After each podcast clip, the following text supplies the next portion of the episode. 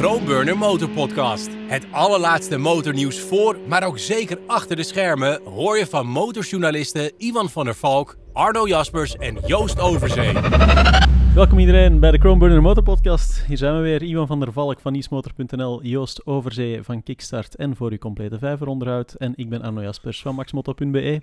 Vandaag gaan we het hebben over uh, een aantal nieuwe motorfietsen, een stukje nieuwe technologie, een nieuwe, of toch niet nieuwe, motorrijbewijsregeling in Nederland. Er zijn onze vaste rubrieken met de brieven, het rare nieuws en de motormarketingmisser. En dan gaan we nog een stukje verder babbelen over verkoopcijfers. Dit is wel je beste aankondiging ooit, hè? Ja, hij gaat Ja? wel Ja, ja, meestal weet je wel wat er daarna gaat komen. Maar als het zo goed gaat, dan moet het ergens misgaan. Oeh, maar ja. ik vond deze wel heel, Ja, heel ja, dankjewel, dankjewel. Lekker. Oké, dan zullen we van eh, de beste aankondiging ooit misschien maar overgaan naar het beste nieuws in Oh. hele lange tijd. Nou. Want Joost, er is een nieuwe motorfiets aangekondigd. Oh. Nu ja, een motorfiets. Ehm, het is een motorfiets waarmee je een zeer speciale relatie hebt, Ja. al eh, vele jaren. Ja. En eh, ze hebben hem verbeterd. Of ja, Ja, dat is een beetje de vraag. En, en, Het gaat over de Yamaha Trailway. Daar Ja. is nu een versie van die niet twee, ja. maar drie wielen heeft. Wauw. Ja, ja, ja. Trailplay. Ja, Ja, ja, nou, ja. ik heb als vraag bijvoorbeeld, maar zou mijn vraag zijn, we weten van Yamaha's met dubbele voorwielen dat ze ongeveer 80 kilo aankomen.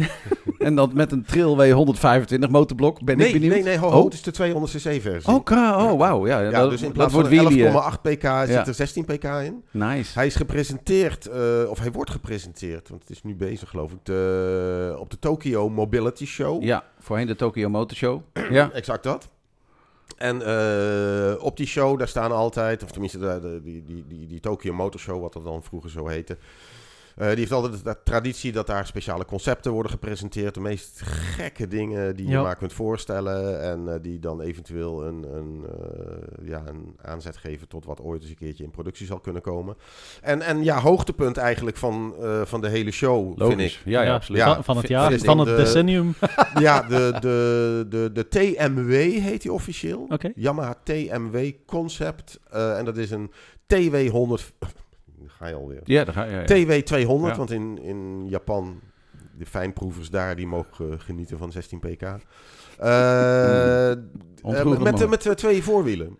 En daar zit dan wel, naast die 16 pk, let wel, zit dan wel een eh, elektromotor bij. Voor de aandrijving van de twee voorwielen. Voor het extra gewicht. Ja. ja, Eh, ja. om de je voorwielen aan de grond Ja, te houden. ja, ja. om voorwielen aan de grond te houden. Ja. En eh, er zitten ook nog speciale eh, foefjes aan. Dus dat, je hebt een hele grote kist waar Foefjes, dat vinden ze in België een heel bijzonder woord. Ja, is waar. gratis en voor niks voor onze Belgische luisteraars. Ja, ja, Eh, zelfs ja. poepen, toch? Ja, Ja, zoiets. Ja, Zoiets. een ingewikkeld verhaal, ja. Ga verder over je In foefjes, ieder geval, Joost, eh, er alsjeblieft. zit een heel speciaal foefje aan. En eh, dat is dus dat, dat de grote bak voor, zeg maar. Eh, Ja, waar, ja, waar je dan ja. 12 Ja, de kinderen in bakfietsbak, kwijt kan. Of ja. zo. Dat hij dan eh, horizontaal blijft als jij off-road, eh, zeg maar, de Ertsberg oprijdt. eh, min Oh, het of is meer. eigenlijk een soort van eh gyroscoop, Ja, gebalanceerde... exact dat, Ja, en dat weegt ook voorbak. allemaal niks natuurlijk. Nee, dat hele systeem weegt niks. weegt helemaal niet. Dus die nee. 200 pk, dat, Nee. of die 200, oh 200 cc was het. 200 Oh, pk is Ja. Die 200 cc, nou dat wordt puur goud. Dat kan Ja. niet anders. Ja, wordt, dus eh, 80 cc extra, 80 pk extra, 80 kilo extra Ja. en waarschijnlijk ook 80.000 euro extra. Ja, dat- Zoiets, maar het ja. is wel grappig dat Yamaha dat presenteert eh, dan zeg maar als eh, concept. Want eh,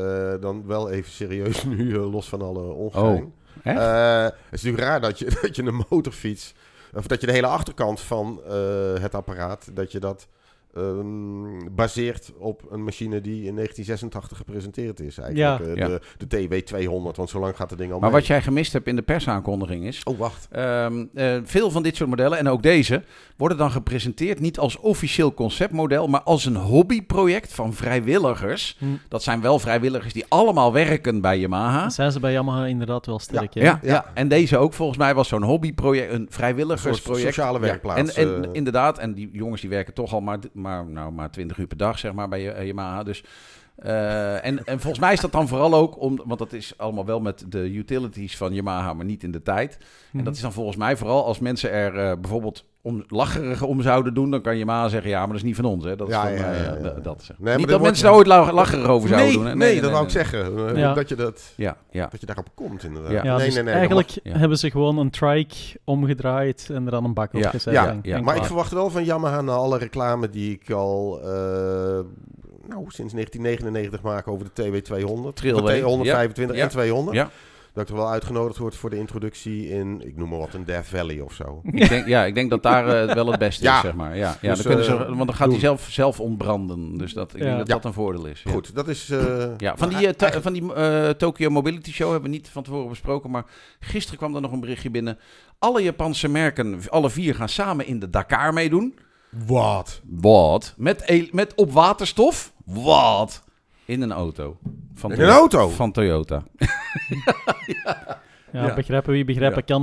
De Japanners hebben tegenwoordig echt zo'n eh, een trekje weg van altijd maar meer samenwerkingsverbanden te Ja. sluiten. Ja, en dan heb je er ook wel 30. samen met, eh, Ja. met de Europese fabrikanten en alles voor ja, elektrische technologie te ontwikkelen. En als puntje bij paaltje komt, ja, krijg je dan weer Zo, dit soort, dit soort, onzin. eh, ja. ja. Ja, lul- ja. lulverhalen. Helemaal, pla- helemaal plat vergaderd. Nou ja, het is niet helemaal onzin. Plat Maar ze gaan, eh, ze gaan daar met z'n... Ja, ze zeggen dan weer... Dat gaat in een buggy komen van eh, Overdrive uit, uit eh, België. En die gaan dan in een of andere Dakar Challenge meedoen of zo. Het bijprogramma van de Dakar. Maar even serieus jongens. Japanse motormerken kunnen toch wel iets beters verzinnen dan dit, denk Ja. ik dan. Ja. Dan met z'n vier in een auto ja. gaan zitten Ja, op ja, waterstof. precies. Maar uiteindelijk zie je inderdaad die samenwerkingsverbanden. Er zijn er ondertussen wel 30. Mhm. En in de een zit merk X wel en in de andere mij Y wel. En, en het is... Het is... Ah, Ja. fijn. Zoek het Ja, maar het uit. is er weer waar. Ja. Ehm, van eh, ja, het ene leuke Japanse concept gaan we over naar eh, Japanse realiteit. eh, wat ook niet zo heel lang geleden nog een concept was. Kawasaki Hybrid. Eh, Ja. ik had vorige podcast nog heel fier aangekondigd dat ik de enige was die ermee ging rijden. Helaas, door eh, verplichtingen thuis ben ik er niet geraakt. Maar de perspresentatie van Kawasaki's HEF eh, R7 Hybrid is achter de rug. En ik weet niet of jullie de reviews een beetje gevolgd Ja, hebben. een van onze jongens van, een eh, speciaal Arjan, ding. Arjan eh, van uh, Arjen is geweest, inderdaad. En wat het leuke is, Mhm. eh, Arjan is best een ervaren testrijder, maar daarnaast is hij echt de EV-specialist. Ook bij ons, want die praat altijd in woorden waar ik geen reet van begrijp. Maar hij dus allemaal wel. Dus dat was wel interessant om hem daar te hebben, moet ik zeggen. Oké, Mhm. dus het is niet zomaar een influencer die er naartoe ging Nee, eh, met... nee, eh, nee, nee, een- nee. een- Nee, maar als je dan, ook nog Ja. als je dan even over. naar... Dus eh, tegenwoordig neem je je baby's mee, hè, geloof ik, als eh, Echt? influencer. baby's mee- ja. ja, toch. Ja, er was iemand eh, over... Oh nee, dat hoorde ik van, waar komt hoorde dit ik nu van, eh, van vandaan, Scooter Express. Eh, die zit nu ergens met Can-Am in Frankrijk. Maar er is een een van de influencer, een influenza noemt... eh, en die heeft uit Londen heeft hij een baby van vijf Ja, maanden logisch. meegenomen. Ja, eh, dus ja. zeg maar. Maar goed, ehm, How pro can you go? we wijken Ja. af. we wijken af, sorry. De Kawasaki Hybrid. Oh ja, Ja. de hybrid. Ehm, zal ik er wat over vertellen Ja, dan? vertel over, wat- eh, daar moet ik eh, deels, want ik heb ook daarover een verhaal in het AD mogen schrijven. Dus ik heb me er wat in Nou, kunnen nou, verdiepen. Nou, nou, nou, nou. nou. vind ik dat niet. Nou, nou, nou, het AD, hallo. Hey. Ehm, dat is de HLN van Nederland, hè? Dus eh, om maar eens wat te noemen. Dan, dan weet Ehm, je het wel. En, en het verhaal van Arjan was vooral van, joh, het is weer knappe techniek. Vooral de overschakeling van, eh, van de brandstofmotor naar de elektrische motor is hartstikke leuk. Maar als je hem al hoort uitleggen hoe alles gaat met knoppen en wachten en standen en toestanden en gedoe en weet ik veel wat allemaal.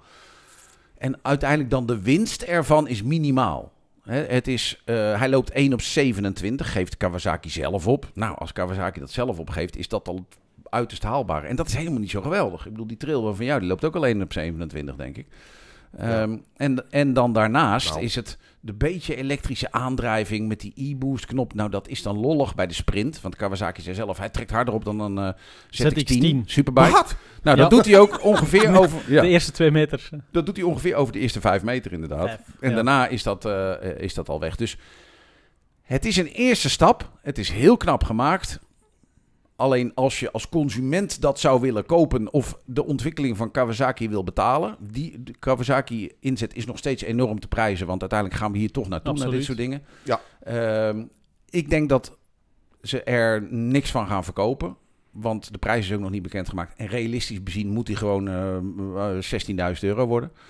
Ehm, dat zullen zij vinden van niet. Maar als je kijkt naar wat er allemaal in zit, hoe weinig je er gaat verkopen, eh, zou dat eerlijk zijn. Ehm, is het een supergoed eerste stapje? Mhm. Dat. Alleen, ik denk niet dat iemand hem wil kopen.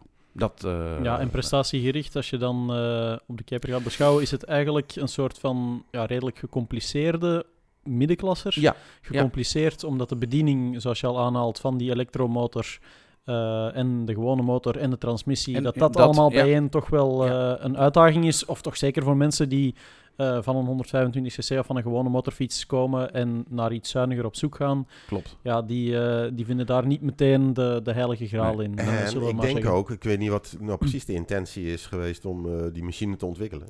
Maar, kijk, als jij bijvoorbeeld een... eh, je hebt bij Kawasaki heb je ook altijd dat, dat eh, eco-modus eh, ding. Ja, ja, dat lampje. Dat irritante dus lampje. Ja. Vooral bij een ZX-10 is dat Ja, redelijk zinloos. Maar goed, dat maakt allemaal niet uit. Dat is Ja. een beetje gezeik. Nee, maar als jij zeg maar een Versus 650...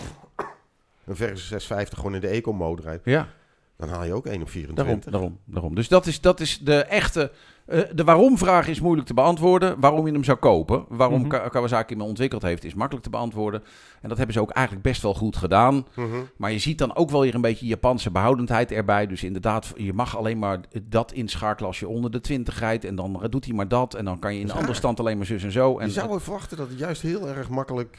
Zoiets... Nee, je zou het niet verwachten. Ja, het Maar laat, ja, het laat juist zien, voor argeloze rijders moet Ja. je het juist zo makkelijk eh, Ja, kunnen maar het maken. laat zien dat deze Ja. stap echt nodig is. Alleen, dat is hartstikke goed voor Kawasaki. De- van deze stap gaan ze leren. Jongens, we moeten het de volgende keer wat simpeler doen. Mhm. Eh, er moeten wat meer prestaties uitkomen, bla bla bla bla. Dat is hartstikke goed. Alleen dat hadden ze ook gewoon als conceptmodel drie rondjes om de Tokyo Mobility Beurs kunnen rijden. Eh, dan wa- waren ze daar waarschijnlijk ook achter gekomen. En Mhm. dan stel van die horeca als wij erop en die zeggen dan eh, wat ik net zeg. Mhm. In plaats van dat je dit ding als productiemodel gaat brengen. Ja, En er zullen wat early adopters zullen zo'n ding kopen. En ik denk ook best wel dat het lollig is. Ja. Mm, dat. ja. dat- nog net iets meer idiot-proof maken. Ja. En dan gewoon zorgen dat het. eh, Ja, er moet een reden komen waarom je zo'n ding wil hebben. En die is er nu dus nog niet. Hm. Want hij is niet zuiniger, hij is niet sneller. Hij zal ook wel wat wegen, denk ik. Hij zal ook wel wat wegen. Hij is ook heel lang vooral. Hij weegt 227 kilo. Dat is best wel heel veel. Dat is 50 kilo te veel eigenlijk. Ehm, en hij is, eh, heeft een wielbaas van anderhalve meter.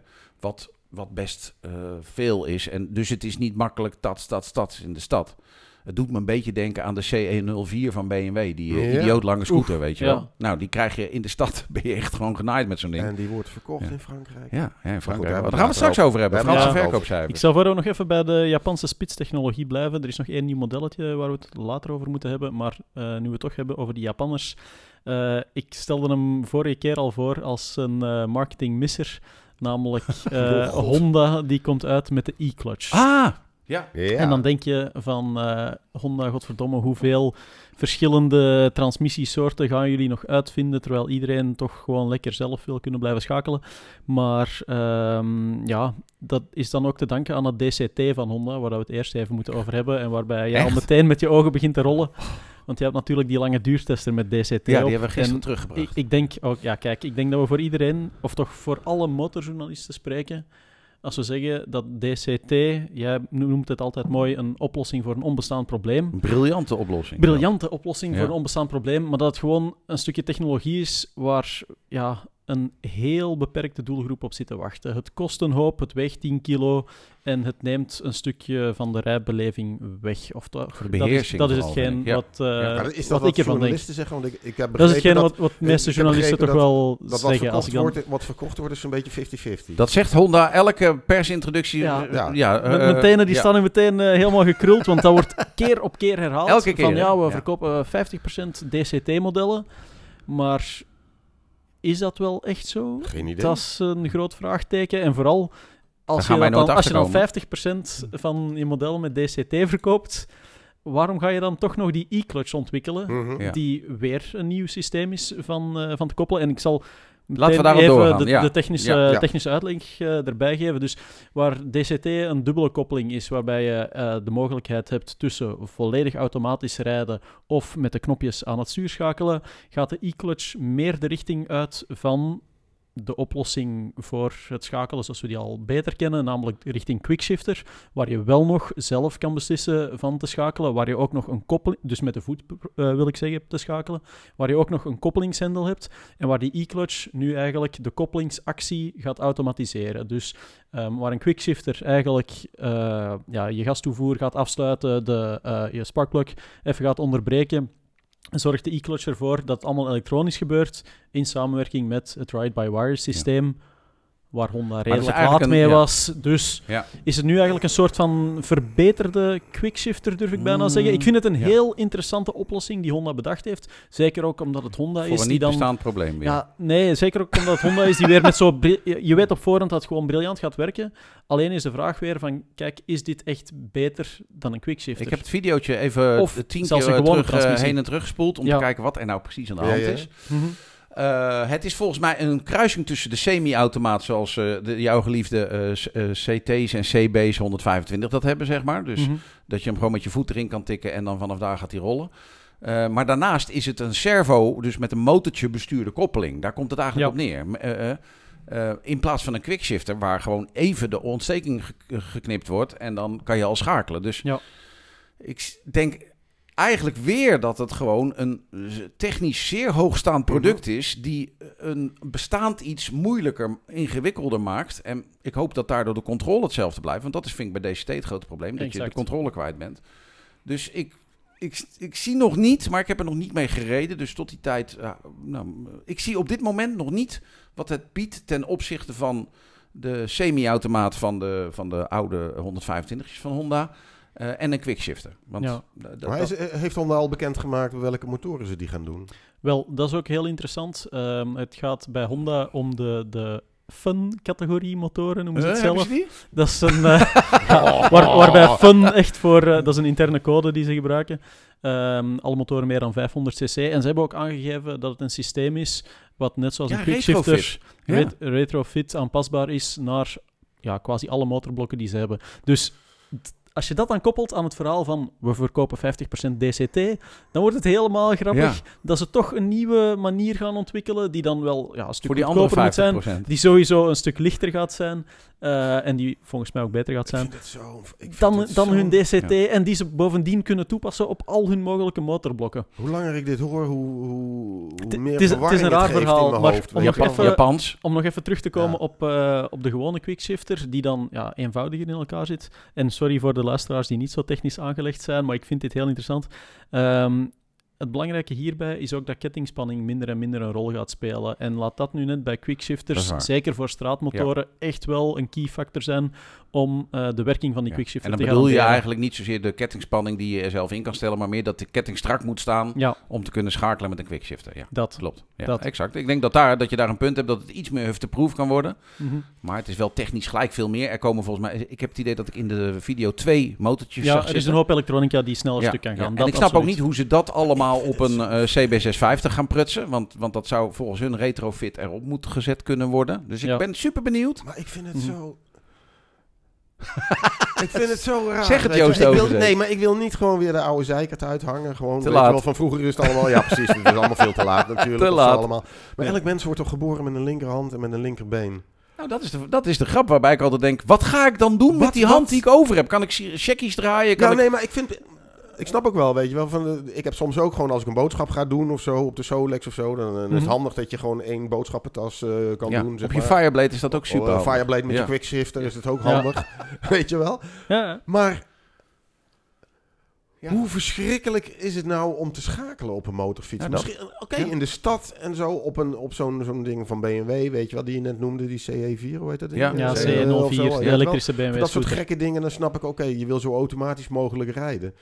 Maar is het dan niet, eh, ik bedoel, Ik zie de winst ook nooit. Dat vind ik bij DCT ook kan hetzelfde. je dan, kan je dan wat makkelijker hou ik appen? over? Wat, nou dat. Wat kan ik makkelijker appen? Is Of het kan ik fatbike? misschien even eh, aan mijn billen krabben? Of ik, ik weet niet wat ik ervan win. Dat, dat, Wat, dat, wat is nou echt? Ja, maar jij- misschien was misschien is dat omdat ik zoveel op, eh, op sportmotoren rijd, dat ik echt wel gewend ben geraakt aan, eh aan quickshifters. Ik ook. En, die vind ik wel quickshifters vind ik heerlijk.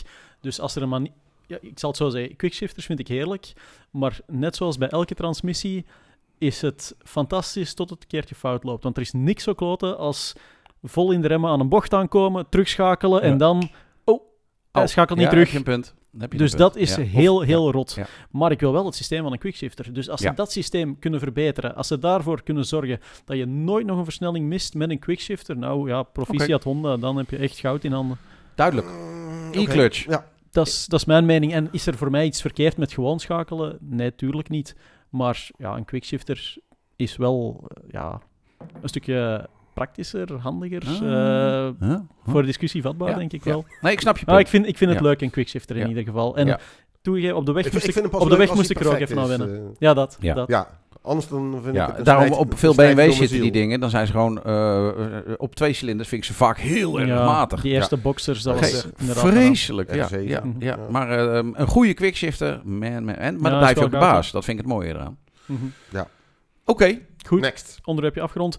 Dan ehm, ja, gaan we over van de spitstechnologie naar een totaal ander uiterste Oh van, eh, van de motorwereld.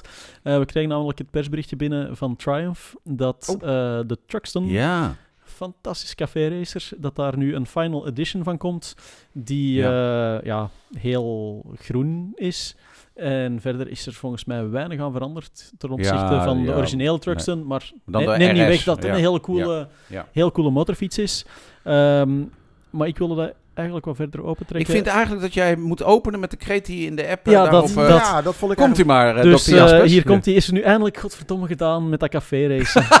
Ja, Want precies. Exact dat. ik weet nog zo, Ja. ja. zeker toen ik iets jonger was, als je dan over motorfietsen begon, iedereen wil wel beginnen motorrijden. ehm, en de meesten willen dan allemaal beginnen met ja, zoiets van een oude café racer of zo. Ja. Dat vinden ze wel cool. Terwijl, Volgens mij is het een, eh, Die- een hype ja. van niks geweest.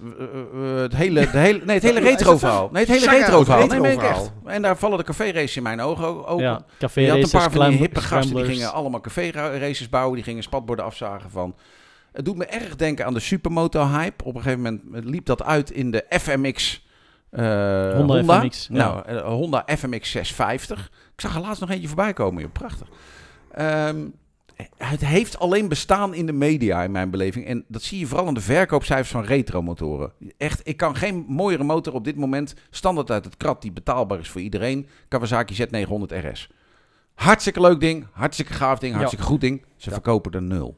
Dus ik, ik heb altijd het idee dat het vooral voor bladenvulling is, voor sitesvulling is. Kijk, er heeft weer iemand een café racer gebouwd. Ja, het is oh, misschien oh, ook oh. wel een beetje een visitekaartje natuurlijk. Precies. Ook, om, om een beetje Ja. in de breedte te gaan werken. Ja. Maar blijkbaar verkoopt het niet, want anders stopt de Triumph er niet mee. Zo simpel is het. Dat is het enige wat het antwoord kan zijn. Anders gingen ze er echt mee door. Ja, daar heb je wel Ja, een bij punt. Ducati zit het ding ook voor lieverleder een beetje bij. Hè? En de, De Scramblers? Ja, Ze hebben er toch de een heel nieuw merk toch? Ja, die Scrambler Café Racer. Ja. Dat is inderdaad Dat echt is wel... ook wel een, weer een niche binnen de een, niche. eh, Een zorgenkind eigenlijk. En die Wat Scrambler-klasse, heb je er dat is dan wel een beetje wat. Wat, wat Ducati heeft, maar andere merken ook. Omdat Allroads het zo goed doen, zie je Ja. iedereen nou die Scramblertjes een beetje kopen. Maar daar geldt een beetje hetzelfde voor.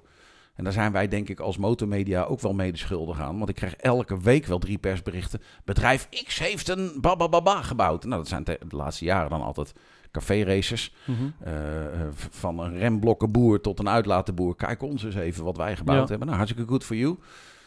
Maar dat is het dan ook. Ja. Ja, en wat- eh, dit is het bewijs. Anders stopt Triumph er niet mee. Zo simpel is het. Ja. Wat je net ook aanhaalde bij Yamaha, dan met die Faster Sons. Dat was Ja, voor het hen ook zo'n mooie manier Ja. om dan weer die custombouwers aan Ja, de slag te exact. laten gaan met Ja. hun standaard Ja, dan komt Deus weer met een oog. Die heeft weer wat gebouwd. En je hebt een paar van die bedrijven die elke keer weer met zo'n ding komen. Ja. Die denken, oh mijn god, daar Maar heb je eigenlijk gewoon, het komt er wel op neer dat een gewone MT-07 of een gewone MT-09 of een gewone Z900, Ja. die verkoopt vijf keer beter. D- Tien keer beter. Ja, Ja. dat. dat. En, Hm. en eh, uiteindelijk vind ik die Truxton vind ik een van de best gelukte eh, Ah, standaard café races. Met een fantastisch motorblok Prachtig erin. Ja. Eh, ze hebben ook die eh, Speed Twin hebben ze bij Triumph. Dat is ook zo'n retro-achtig ding. Ja. Super mooie fietsen. Maar ja, ik kan niet anders. En dat beslis, beslis ik niet. Maar uiteindelijk Ja. heeft Triumph beslist. We bouwen er. Het kost te veel en we- Ja, het verkopen er te natuurlijk ook weinig. een beetje- Hm. het, het, het draait alleen maar. Kijk, je kan een, je kan een, een Thruxton kan je niet bezien zonder de, de, de fameuze Heritage. Nee. Want je altijd wordt weer dat Ace Café Londen erbij gehaald. En de, de Ton Up Boys. En eh, van, van gasten die dan die ringweg deden met eh, Mhm. meer dan eh 100 eh, mijl per uur. Ja. Weet je wel, je kan het niet loszien van de iconen uit, uit die tijd. En Mhm. ja, jeetje, café racer. Ik bedoel, er gaat geen hond nog naar de café tegenwoordig. eh, Maar ja, En die dingen worden in Dat Thailand gebouwd. Dat is inderdaad één ding wat jij aanhaalt. Van er gaat geen mens nog naar het café. Inderdaad, wie gaat er Nou. nu... Ja, tu- tuurlijk gaan er mensen naar het café. maar wie Ja, gaat er met de motorfiets... Nee. Ja, Wie gaat er nog met de motorfiets naar het café om pinten te drinken? Dat doe je toch niet? Is dat, alcohol Ja. drinken en, en motorfietsen, dat Nee, is dat volgens mij niet Dat de beste combinatie. Ja, ik ga op de fiets. Of net wel, Joost. Nee, nee, nee. Het is Nee, niet, maar- Maar dat terzijde, wat ik, het, eh, wat ik heel interessant vond, wat je aanhaalde, dat is van, je kan het niet loszien van eh, die iconen. En dat is het hem gewoon. Hè. Het café racen, zoals dat het nu wordt gepresenteerd, ook bij ons in de media en vooral door de marketing van de merken zelf, dat staat voor mij totaal los van die iconen en van die klassieke motoren die je wel nog ziet op events zoals in Assen, de, Mm. de Classic GP, Ja. zoals Ja. eh, de Bikers Classic op Maar ik denk dat dat ook de denkfout is die en alle dat merken is maken. zo, die Ja. zijn zo van elkaar losgekomen Ja. dat je nu zo'n soort van ja, misbakseltjes krijgt. En dan ja, pff, is het moeilijk. Een Z900 RS die komt er dan nog heel goed uit. Ja. Ja. Maar ja, zet, Nee, er er, zet er een originele ja. Z900 langs en je bent toch al Ja. snel uitgepraat. En dat is dan bij Yamaha vind ik het, ja, sorry om te zeggen, die, die motoren van Yamaha rijden fantastisch. Maar zo'n XSR 900, Ja, dat is niks. wat heeft dat Nee, nog met café nee. race Ja, maar dat is de FMX 650 jongens? Hm, van ja. de café races is dat. Alle merken willen meedoen. Wat hebben we? Wat lijkt er het best op? En het is Nou, wel dan gaan we daar wat van je- bouwen. En, en het is wel aardig wat je zegt gewoon, want dan, dan spuiten ze mul in de, in de Christian Saron kleur. Dat, ja. Ja. Juist om dat. die link dan weer Ja. te maken met het Ja. oude Sonoto eh, Ja. eh, Ja. uit het raceverleden. Ja, met, met, met, met totaal geen enkele... De referentie eh, eraan. ja, maar ook voor- geen enkele respect voor de heritage juist. Want marketeers kan je gewoon niet vertrouwen wat, die, wat dat soort shit betreft. Want die roepen dan gewoon... Ja, Christian Saron en dit en dat. Dan denk je terwijl... Nou, eh, de man leeft nog, maar eh, hij zou zich omdraaien in zijn graf als het niet zo was. Want dat is met veel van dit soort dingen... Nee, meen ik serieus. Veel van dit soort dingen wordt er, wordt er klassieke zooi bij gehaald dat je denkt, even serieus. Worden in, in Nederland worden Ja. doorgaans mensen levend begraven. Eh, dat, dat, Ik denk zeggen, als, we, als we energie konden opwekken uit Christian Saron, die zich Ja, aan ja, het ja, ja, rondtollen ja, is in zijn graf, jongen. Al die Ja. elektrische motoren Nee, zouden maar vaak de doorbreken. scheid die, die ma- marketeers eraan hebben, die komen dan met een verhaal. Ja, en dit is de dinges van vroeger. En dan hebben we Ja. Referen- De MW komt nu met een ding. 98. Ja, want in, eh, we hebben ooit een 98 motorblok gehad en bla bla bla bla. Dat is Echt ook- totale bullshit. Dat en daardoor bullshit. denk ik dat die classic eh, rage op een gegeven moment ook overgaat. Want de modellen die we nu zien zijn de FMX 650's Ja. van de café racers zien. Of je moet juist, eh, of ze moeten ze blijven aanbieden, de Z900 RS en Ja, de, ja, de en zo. Ik zou er wel een willen hebben. Maar ja. zonder die bullshit. Ja. Nou, dat, dat- mensen gewoon eh, voor, voor, voor het eerst of zo denken van, nou, dat vind ik een mooie motor. Ja. ja, want degene- kopen, ze die. Maar daarom Ja, vind ik het net zo jammer. Daarom vind ik het zo ontzettend jammer dat het net die Truxton is die er als Ja, eerste ja, moet aan ja, breiden. ja, Om, ja. breien, omdat Ja. als er dan één café-racer was uit die hele hoop, die Ja. echt nog wel Mm. met respect Ja. voor het verleden was Ja. opgebouwd.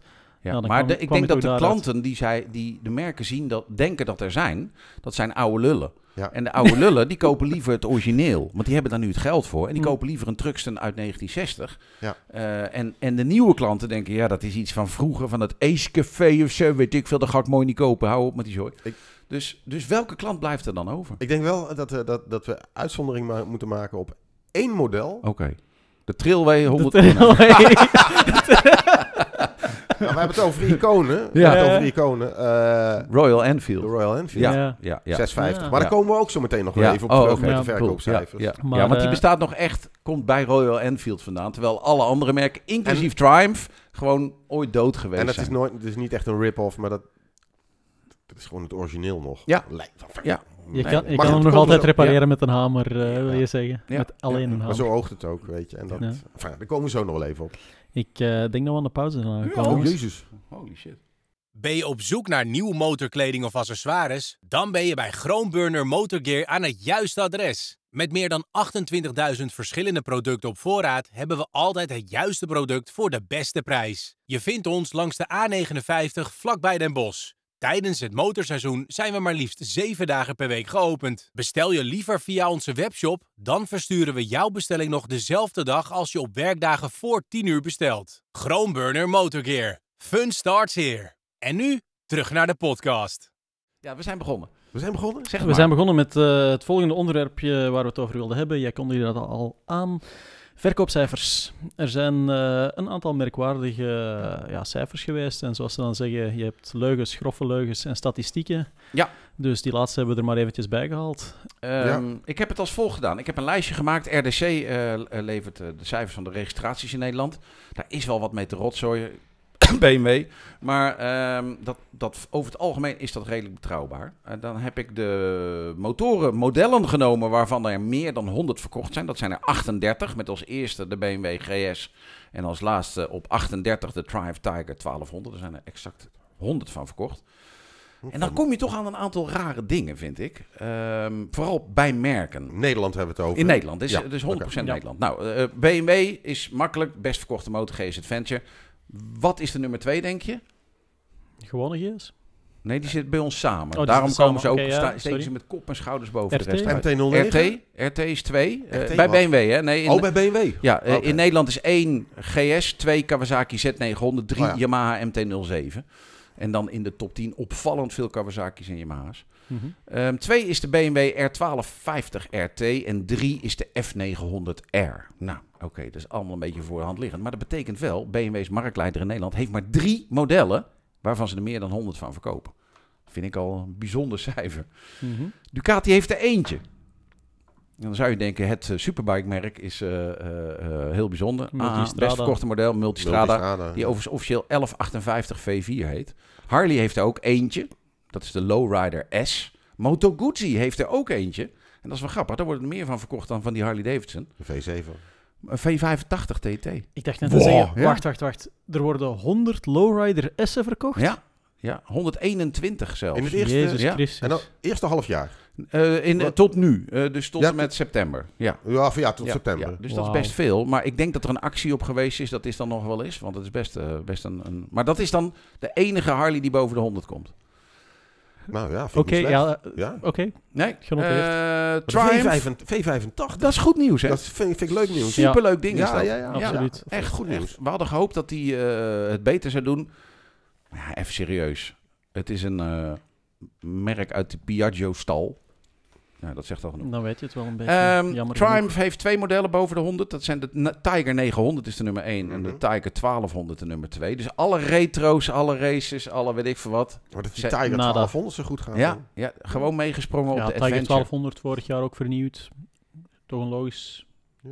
logisch Ja. gevolg, hè? Adventures dus eh, bovenaan. Mhm. Dan komen we bij de merken die groot zijn. Ehm, dan is eh, eh, Yamaha dan eigenlijk de nummer 2.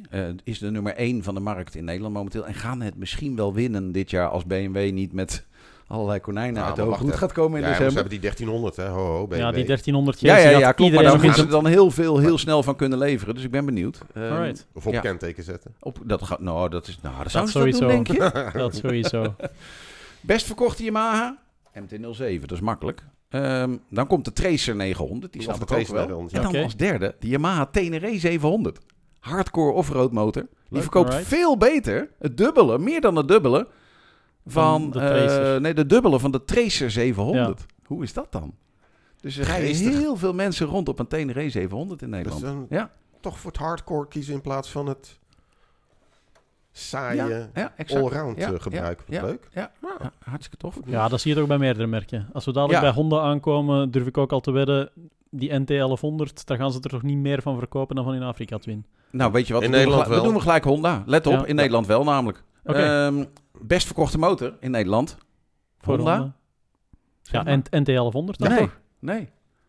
NC750X. Oh, ja, tuurlijk. Want die Oh, hebben ze... Ja, ja, Daar hebben ze een Die nieuw model zuinige van gebracht. Nederlanders. Ja, Hollanders. Ja, En die hebben ze goedkoper gemaakt dan het vorige model om de markt terug te winnen, eh, te winnen. Want ze waren natuurlijk jaren naar de kloten hier, omdat ze hun dealerorganisatie eh, aan het uithollen waren. Dus best Mhm. verkochte NC750. ja. NC750X. NC750X. En hoeveel zijn dat er dan? Dat zijn er dan 307. 307 Ja. mensen die nog nooit een motormagazine eh, vastgehad hebben, nog nooit een motorwebsite Oh, geopend Nee, is- nog nooit naar de podcast Het is geluisterd een hebben. hartstikke goed- het Dat is een Slim. hartstikke goed ding, Ja. man. Ja. Als je een woon-werkmotor wil kopen, koop je die. Omdat je laptop in de tank kan. Ja, bijvoorbeeld. Ja, of eh, dus NT1100 hetzelfde verhaal. Nummer 2, CB750 Hornet, zoals jij dat noemt, eh, Joost. Hornet. Hornet. Ehm, jij zegt dat dat in andere landen anders is, volgens mij, of niet? Die Ja. Hornet. Ja, ja, ja. Oh, gaan we gelijk eh, door? Nou ja, ik wou die, de- go- je mag hem er tussenin gooien. Ik zeg vind het maar. zo schattig als Joost niet Ja. begrijpt wanneer je een bruggetje aangeeft. Ja, ja, je ja. geeft hem zo'n mooie Ja. pas. Eh, Ja, oh, oké, hoe moet maar- ik met die bal? nee, eh, ik heb me ja. een beetje bezig gehouden met eh, de verkoopcijfers in Frankrijk. Want? Gewoon, dat is een mooi land. Het is een mooi Joost, land. en Joost heeft wel iets met Frankrijk. en- ja, dat sowieso. En Mm. dat geeft ook wel aardig aan. En, en er zijn aardige ontwikkelingen daar aan de gang. In Frankrijk is tien jaar lang de MT-07 de beste mo- verkochte motorfiets geweest. Bij ons de GS. Ja, Ja? Mhm. ja. En in Frankrijk is de GS dat niet. oké. Maar omdat ze het gesplitst hebben, zeker? Heel simpel. Ah. Dus je hebt de GS en de Ja. Adventure. Ja, Voeg je ja. ze samen in Frankrijk, dan Zijn ze ook nummer is 1. de GS wel nummer 1. Maar ze, Ah. ze doen hem apart. Dus eh, oké. Ja. Maar eh, in, in Frankrijk, en eh, ja, de, de, de trouwe luisteraars die zullen wel horen, of tenminste die zullen wel weten, dat wij af en toe wel eens een keertje in het begin een beetje vervelend waren naar de Hornet, of de Hornet, Mhm. omdat we hem niet mooi vinden. Eh, en dat we redelijk, eh, hoe wordt het, Eh, redelijk eh, de, de GSX-S, nee, GSX-S 8S, Ge- tralala, ja, dat we die allemaal, ja nou die dus, dat we die de hemel in geprezen hebben. Wat blijkt nou? In Frankrijk is voor het eerst dus de Hornet, de Hornet 750 gewoon verreweg de best verkochte motorfiets. Wauw. En dan praat ik niet over zomaar verreweg de be- beste motor of de meest verkochte motorfiets, maar het is echt onvoorstelbaar. Als jij ziet in de maand september hebben we het alleen over. Sowieso de eerste, het is de best verkochte motorfiets van de eerste zes maanden. Bij ons staat hij op 12. En in Frankrijk zijn er in september 770 van verkocht. Wat? In september. En de tweede is de MT-09 met 287. Oh, dus er zijn al drie keer zoveel. drie keer zoveel. 770, maar dat is omdat... 770. En de Zo. MT-09 haalt dan ook de MT-07 in. Ja, de MT-07 die staat nu op nummer 4 bij 263. Oké. Wat een aantallen, joh. Maar in ieder geval dus, nummer 2 heeft 287 verkocht. En nummer 1, de Hornet, 770 verkocht. Holy shit. Om even aan te geven, in de maand september hebben van de GSX 8S 52 stuks verkocht. Oh.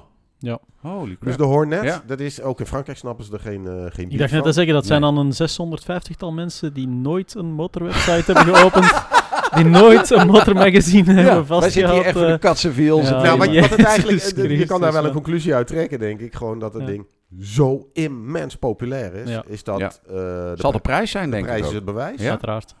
Is 1000 euro goedkoper dan de Suzuki. Ah. Eh, en toch het merk Honda. Ja, zeker. Snap ja, ik. en ik blijf erbij dat wat in Nederland met BMW heel veel speelt van die inschrijvingen, dat dat ook een dingetje is waar eh, ja, Honda niet voor terugdeinst. Ik weet dat ze het in België Mhm. verschillende keren gedaan hebben van de dealerships echt vol te stouwen met motorfietsen, ja, waarvan Ja. ze op voorhand al wisten die, die ze niet aan de straatscène verkocht gingen krijgen. Ja. Ehm, dus dat is wel een techniek die volgens mij in Frankrijk ook gebruikt wordt. eh. Vanaf het moment dat die nieuwe motoren leverbaar zijn, we leven nog altijd een beetje in post-corona-tijdperk, waar eh, dealers wel eens een gokje durven wagen, denk ik, dan ja, worden die motorfietsen ingeschreven. Punt. In En- Nederland is maar- een... Ja, hoe het dan zit met de maar, maar het is- effectieve verkoop en de uitschrijvingen na een jaar, et cetera, in dat is een ander is verhaal. zo maar immens, de, het is de- wel- de het is wel een graadmeter, 750, ja. Dat het, eh, Op dit moment is in Nederland Yamaha marktleider, 2400 motoren. Honda is 2, 2295. Kawasaki 3, 2063. En BMW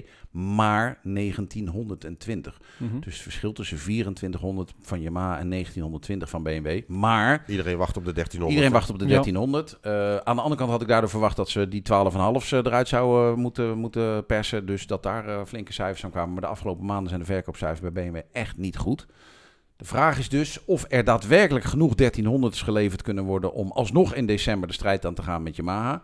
En of ze daarnaast weer de bekende fratsen gaan uithalen eh, Ja. met eh, fake Ja. registraties. Eh, Ja, in België is het zo dat eh, de GS al sinds jaar en dag de best verkochte motor is, ondanks het feit dat ze bij ons ook de opsplitsing maken tussen GS en GS Adventure. Ehm, die staan meestal beide in de top 3. Met daartussenin dan eh, regelmatig wel eens een Afrika Twin of een MT-07. Of, oh, sorry, MT-07 niet. ehm, de scooters die bij ons ook heel populair Mhm, zijn. Eh, Vespa GTS 300, GTS 125, die traditioneel ontzettend goed scoren. Maar, en uiteraard ook bij BMW de RT, die, Ja, eh, ja, die ja. quasi constant in de top 10 ja, aanwezig maar er is is. veel overheidsverkoop, denk ik. Dat Daar bij is, een, daar is een stuk overheidsverkoop bij, Ja. sowieso. Maar eh, ja, het hoeft, eh, het hoeft geen enkele twijfel dat de GS oppermachtig is. En daarom Ja. is het net interessant om te zien dat dan in Frankrijk zo'n Hornet in één keer In één keer. naar boven schiet. Ja. Ook al maken ze daar het onderscheid. Wat ik ook een heel interessante vond van een aantal jaren terug. Een modelletje dat in Nederland dus ook ontzettend goed doet.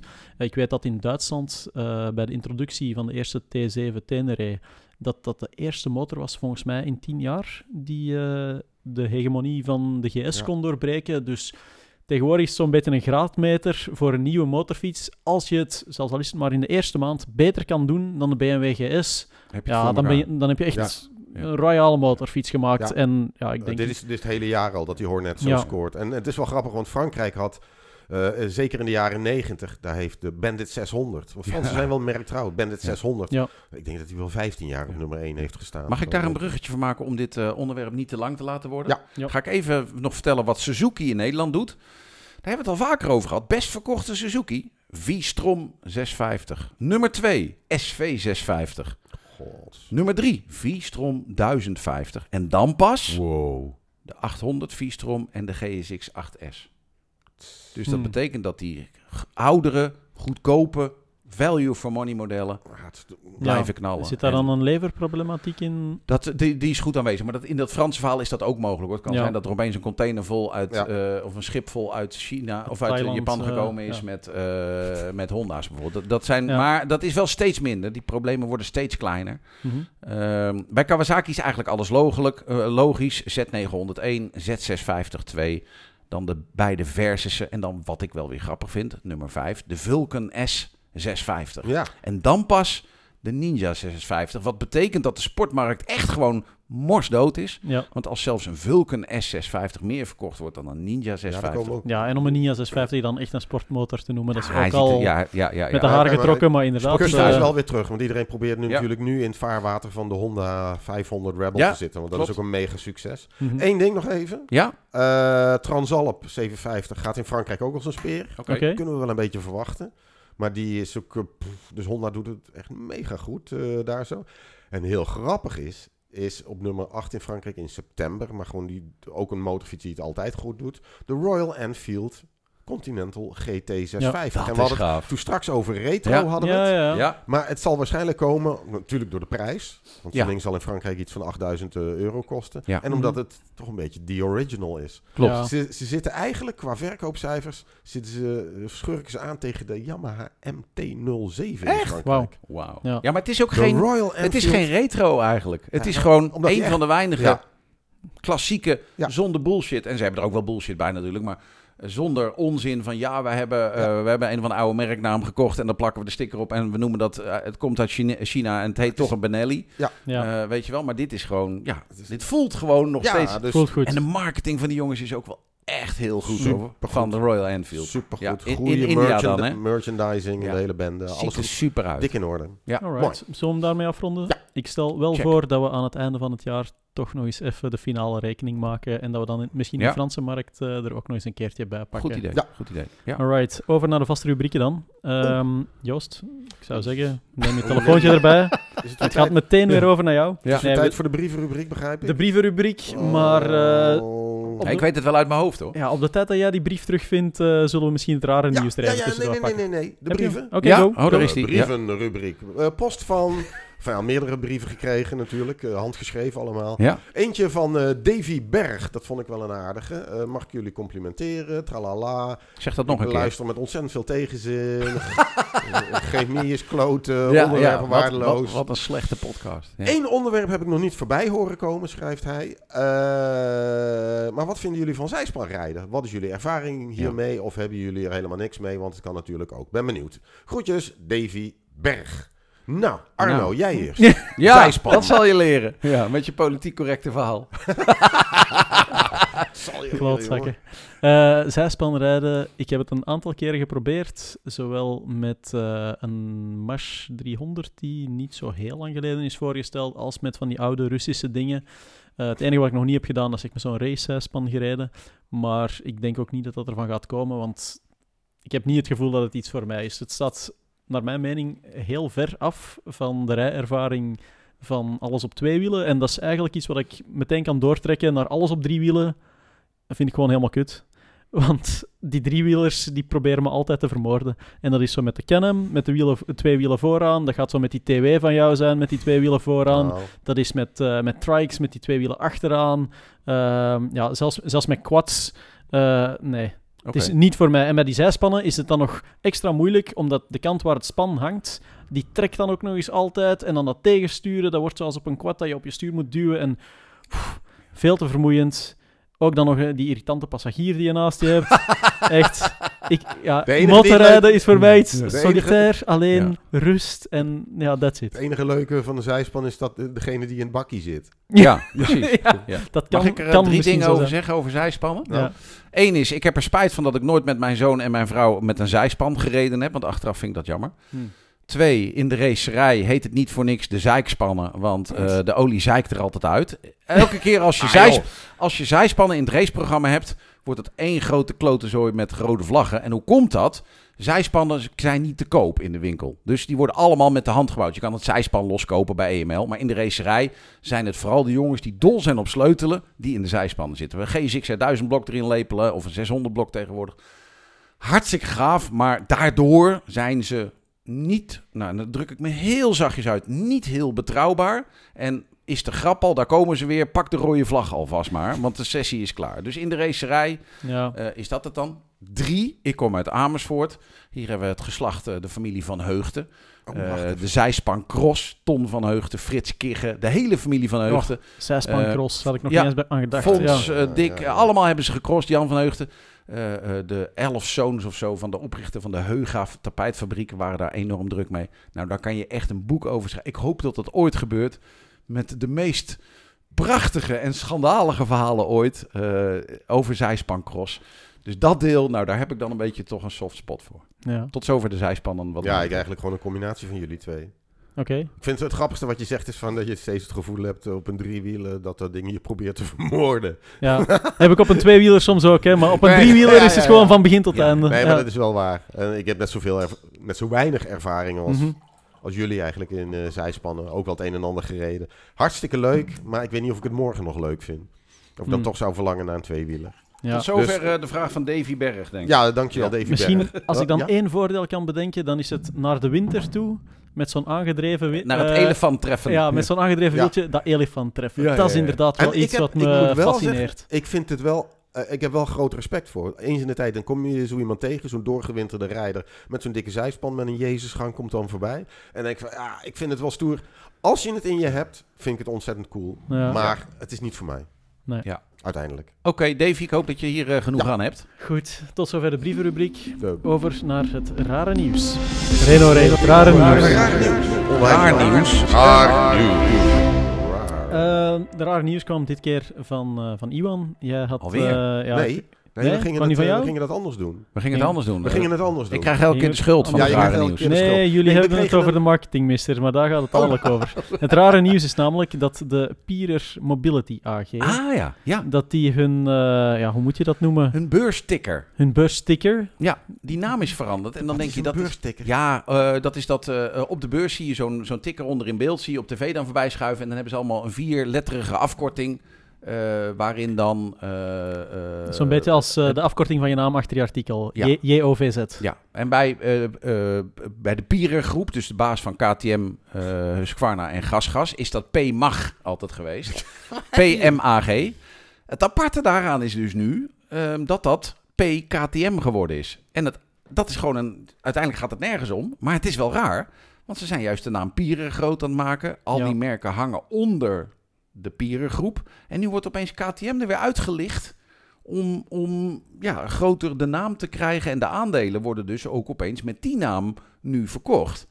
Terwijl, ja, dan denk je toch een beetje... Gaat er iets gebeuren dat ze toch wat gaan splitsen, wat gaan loshalen? De Indiërs hebben, of de Indiaars hebben al 49% van, van dat bedrijf in handen. Gaat daar wat gebeuren? Want het is raar, raar, Raar. nieuws dat, eh, dat die naam veranderd is. Nou, dat. Ik Ja, je zal maar bij gasgas werken. Ja, ja maar je hebt ook geen geld. Ik weet niet waar... Nee, ik weet echt geen enkel idee waar jullie Dan het over speculeer je niet op de beurs. Ja. Nee. Afijn, het heeft met de beurs te maken. Oké, Nou, dat. maar er was nog meer raar nieuws, toch? Was er nog meer raar nieuws? Ja. Nou, vertel jij het dan maar. eh. Nou ja, dat weet ik niet. Komt volgens mij Jongen, jongen, wat professioneel dit, jongens. Ja, goed voorbereid. echt, De volgende vaste rubriek. De motormarketing misser. MMM, Triple M, De ja. motormarketing misser. En dat is wel een grappige, want ehm, ja, dat is eentje die gelinkt is aan een fenomeen wat we steeds meer en meer zien. Namelijk dat eh, de motormerken in de Benelux het vertikken van een goede vertaler te betalen. Terwijl ik eh, hier met, aan tafel zit met twee goede vertalers. Dus Ja, wij, spreken wel eh, Ja. een aardig woordje. eh, Ja. Indiaas, Chinees, whatever. Sanskriet. Sanskriet, ja. Ja. Nee, maar ehm, dit keer ging het eh, bij KTM over buisloze spaakwielen. En een, Buisloze diamant, spaakwielen. en een diamanten zitplaats. Ja. Slang, buisslangloze was het zelfs. Buis voor. slangloze, dat is Ja. zo slecht vertaald Tubeless, dat je tubeless. al een, eh, een specialist vertaler moet zijn om dat naar eh, normaal Nederlands te kunnen krijgen, Joost. Eh, dus nou, ik weet ook, ja, ik snap ook niet waar de, de, de- een diamanten zetel was het toch voor een, ja, Diamond minicrosser? Ja. Volgens mij gaat het bij, bij de buisloze spaakwielen, dat is een diamanten zetel, ja, Ja. die wil iedereen wel op zijn motor hebben. Het maar- gaat gewoon toch over tubeless, eh Tubeless, tubeless dat was tubeless. Ja, want ik, En dan ja. Diamond gaat het daar over Ja, eh, het volgens mij patroon. er van die dingetjes van op die zo'n stiksels. Ja, Ja. zo- zo'n, eh, zo'n, want dat was ook een aftermarket zadel. Zo'n, eh, zo'n eh, nou weet ik ja, veel, die ru- ruitje- ruitjes die erin Ja, eh. Maar zijn. inderdaad, de Ja. oproep is eigenlijk de moraal van het verhaal, waarom we dit eh, zeggen. Bel Ja. Joost. De moraal van het verhaal is, alsjeblieft jongens, lees je eigen persberichten eens na voor Ja. je ze uitstuurt. Ik denk dat dat eh, Ja. Ja, een dat- hele eenvoudige is. Helaas geldt dat bijna voor alle merken tegenwoordig. Ja. Dat het echt Google Translate is. Ik weet nog van inderdaad van de, de, de RS 60 april met een koepel. Een koepel? Een koepel? Ja, een koepel aan de voorkant. Oké. De, Een oh, koepel. ja. het was ook ruitje? Een koepel, eruit. Ah, ja, ja, Oké. ja, ja, ja. een maar de, slang, de buisslangloze wielen, dat vind ik ook wel een classic Ja. hoor. Ik vind de Ja. snelschakelaar ook wel altijd Oh, de een, snelschakelaar. eh, ja, heel ja, ja, ja, ja, Ja. cool. Ja. Anyway, we beginnen ze er allemaal uit te halen. Over terug naar de serieuze onderwerpen Ja. dan maar. Oh, Oké. Serieus onderwerp. Eh, in Nederland is eh, ja, Pien Meppelink, die kennen we natuurlijk eh, in de sector wel al langer. Die eh, dat is een fotografe waar heel veel journalisten al mee hebben samengewerkt, van Target Press. Die is ook actief in de politiek. En als ik me goed heb laten informeren, dan wil zij ervoor zorgen dat het 125cc-rijbewijs een beetje zoals in België wordt. Wat overigens ook de Europese norm is. Ja. Namelijk dat je vanaf je achttiende of vanaf wanneer je je autorijbewijs kan behalen, dat je bij dat autorijbewijs ook meteen kan gaan voor het kleine motorrijbewijs. Het is niet helemaal hetzelfde als het A1-rijbewijs, maar je zou wel met een 125cc de baan op kunnen. Onder dan bepaalde voorwaarden. Onder bepaalde voorwaarden. En dat is niet alleen het nieuws. Het nieuws is voornamelijk dat de KNNV, jullie motorrijders, eh, ja, belangenvereniging mag ik dat toch wel bijna noemen, Ja, dat die, dat die hardcore er tegen zijn. Ja, Hoe dan? ja, ja eh, het woord jullie is dan ook wel een beetje lastig in dit verhaal, de, eh, als belangenvereniging. Eén is natuurlijk, eh, Pien werk, eh, is van het CDA. Nou, Pien is gewoon echt een tof motor... Ja, ik mag wel motorwijf zeggen. Ja. Eh, dochter ook van de legendarische Target Wout, Press fotograaf Wout Meppelink.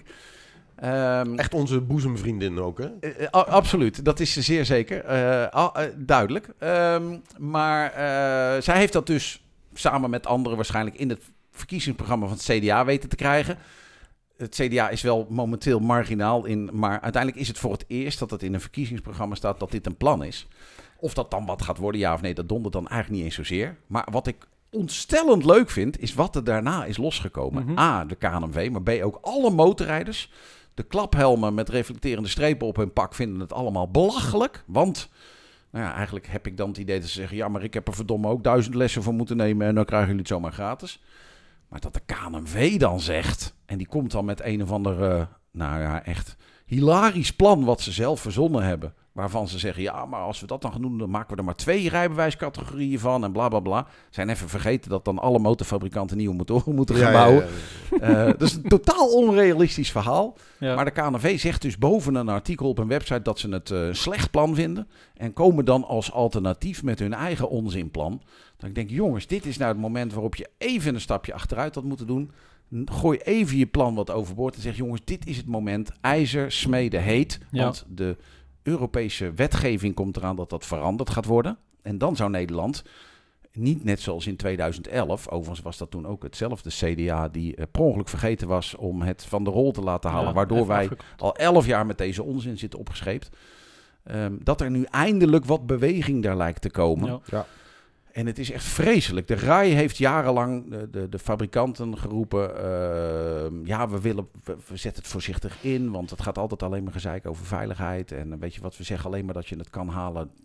Dan krijg je je theorie gratis, moet je nog wel al die examens doen. En ik denk een beetje, maar dat is mijn persoonlijke invulling... KNV is de grootste rijschool-franchise van Nederland. Ja. Ook. Daar, En daar kom je erbij. Hè. Dat Ja. is eh, net hetzelfde wat, wat in België dan gebeurt. Als zo'n maatregelen worden ingevoerd, dat was zo met de motorkledij, dat was zo met het rijbewijs. Het verhaal wat verteld wordt is in naam van de veiligheid.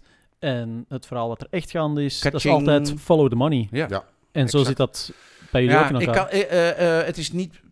het lijkt er sterk op dat KNMV altijd vast blijft houden aan één ding, namelijk dat is les. En die les is dan niet alleen voor het examen, maar ook bijvoorbeeld wat ze al tijden proberen, samen met, vreemd genoeg, de Internationale Motorsportbond, de FIM, is om herhalingslessen verplicht te maken. Ja, want dat is zoveel veiliger en weet ik wat. Dat betekent dat jij en ik om de drie jaar, vijf jaar, tien jaar, weet ik veel wat, nog even wat achtjes moeten draaien en weet ik veel wat. Ja, ik kan me dan toch niet aan het standpunt onttrekken dat dat gewoon kaching is. Want dat is gewoon handel. En al die, die rijschool-franchise van de KNV, die hebben dan allemaal lessen erbij. Iedereen happy. Maar ik vind het wel heel treurig. Ja, dit. ik heb jou al achtjes zien draaien en Ja? ik kan het niet, eh, ik kan het niet afraden van... Kan eh, niet Oh, vuile, vuile luister. Nee, maar inderdaad, het, het verhaal dat je daar vertelt, dat is, eh, dat is hetgeen wat ik ook zei met die follow the money. Hè. Dus inderdaad, die, die lesformule, dat is hetgene waar nu grof geld aan verdiend wordt. Maar volgens mij is het dan toch even belangrijker dat jullie eens naar die domme Belgen kijken, waar ondertussen ja, gewoon een kwart van de markt 125 cc's is. Dus Nou ik ja, begrijp van de ja. KNNV uit dat zij weinig hebben aan ja, hoeveel motoren worden er verkocht van welk type. Het zal hun worst wezen, Ja. zolang er maar les genomen wordt. Ja. Ja. Maar voor die 125 cc's bij ons is een heel groot deel daarvan. Dat zijn rijders die beginnen met hun autorijbewijs, die dan vier uur theorieles moeten volgen zonder examen, of sorry, praktijkles moeten volgen zonder examen. Dus ze krijgen Vier uur? Ja. Oh, oké. vier Ja. uur. Ja. Ehm, dat is effectief op de motor zitten, dat er gereden Mhm. wordt, dat er achtjes worden gedraaid en Ja. you name it. Eh, en daarna krijgen ze hun, niet het A1-rijbewijs, maar krijgen ze een toevoeging aan hun B-rijbewijs. Ja. Waarmee ze in België binnen de landsgrenzen mogen rijden met een 125 cc.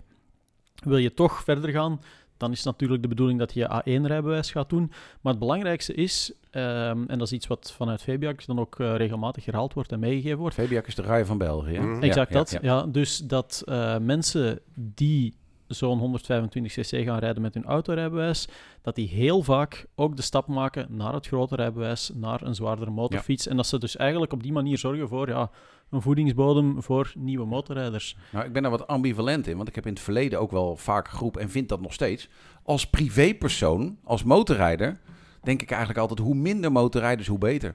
Maar Ja.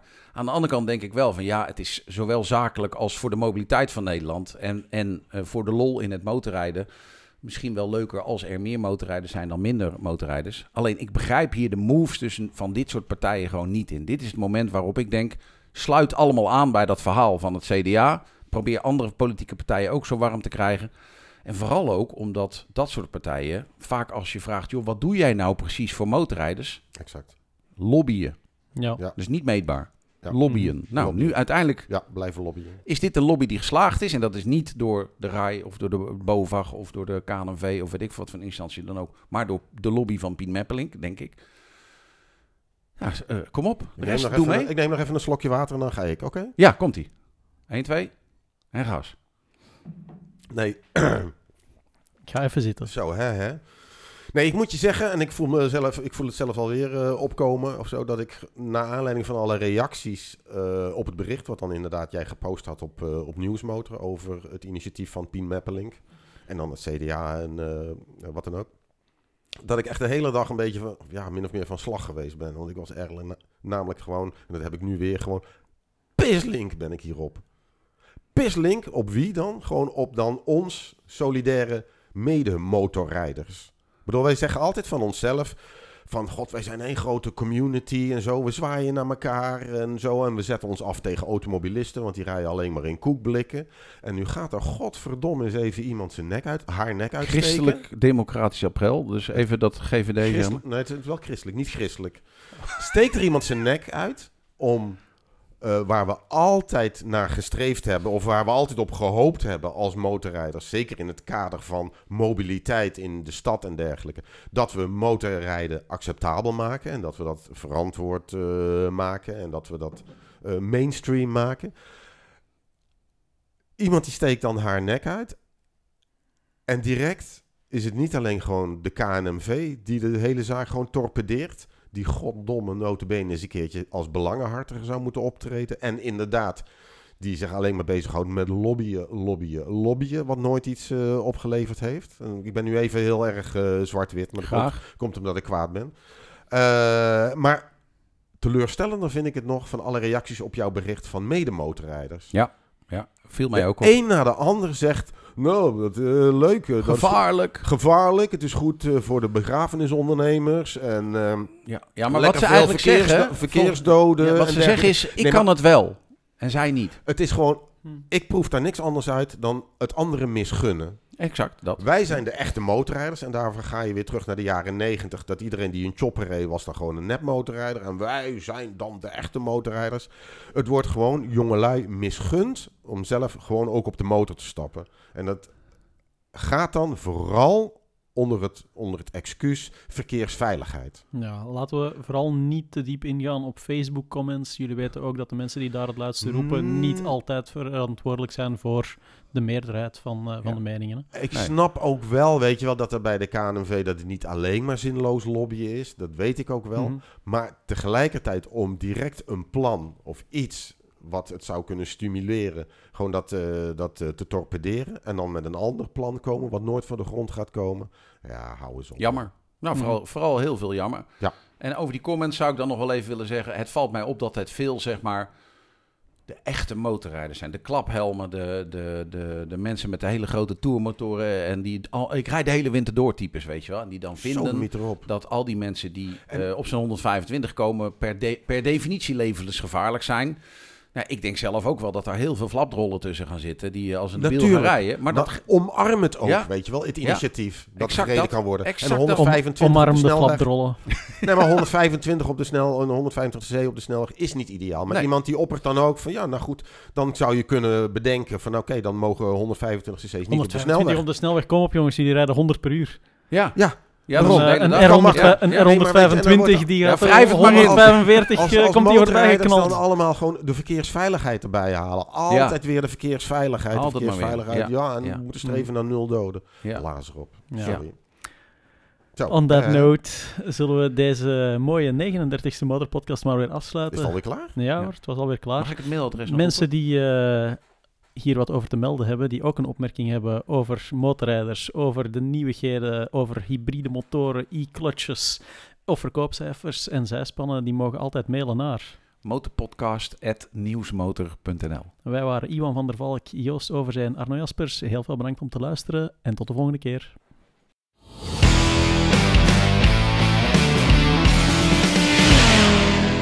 Leuk dat je luisterde naar de Groenburner Motorpodcast. We starten alvast de motoren om aan de slag te gaan voor de volgende aflevering. Die hoor je over twee weken. Tot dan!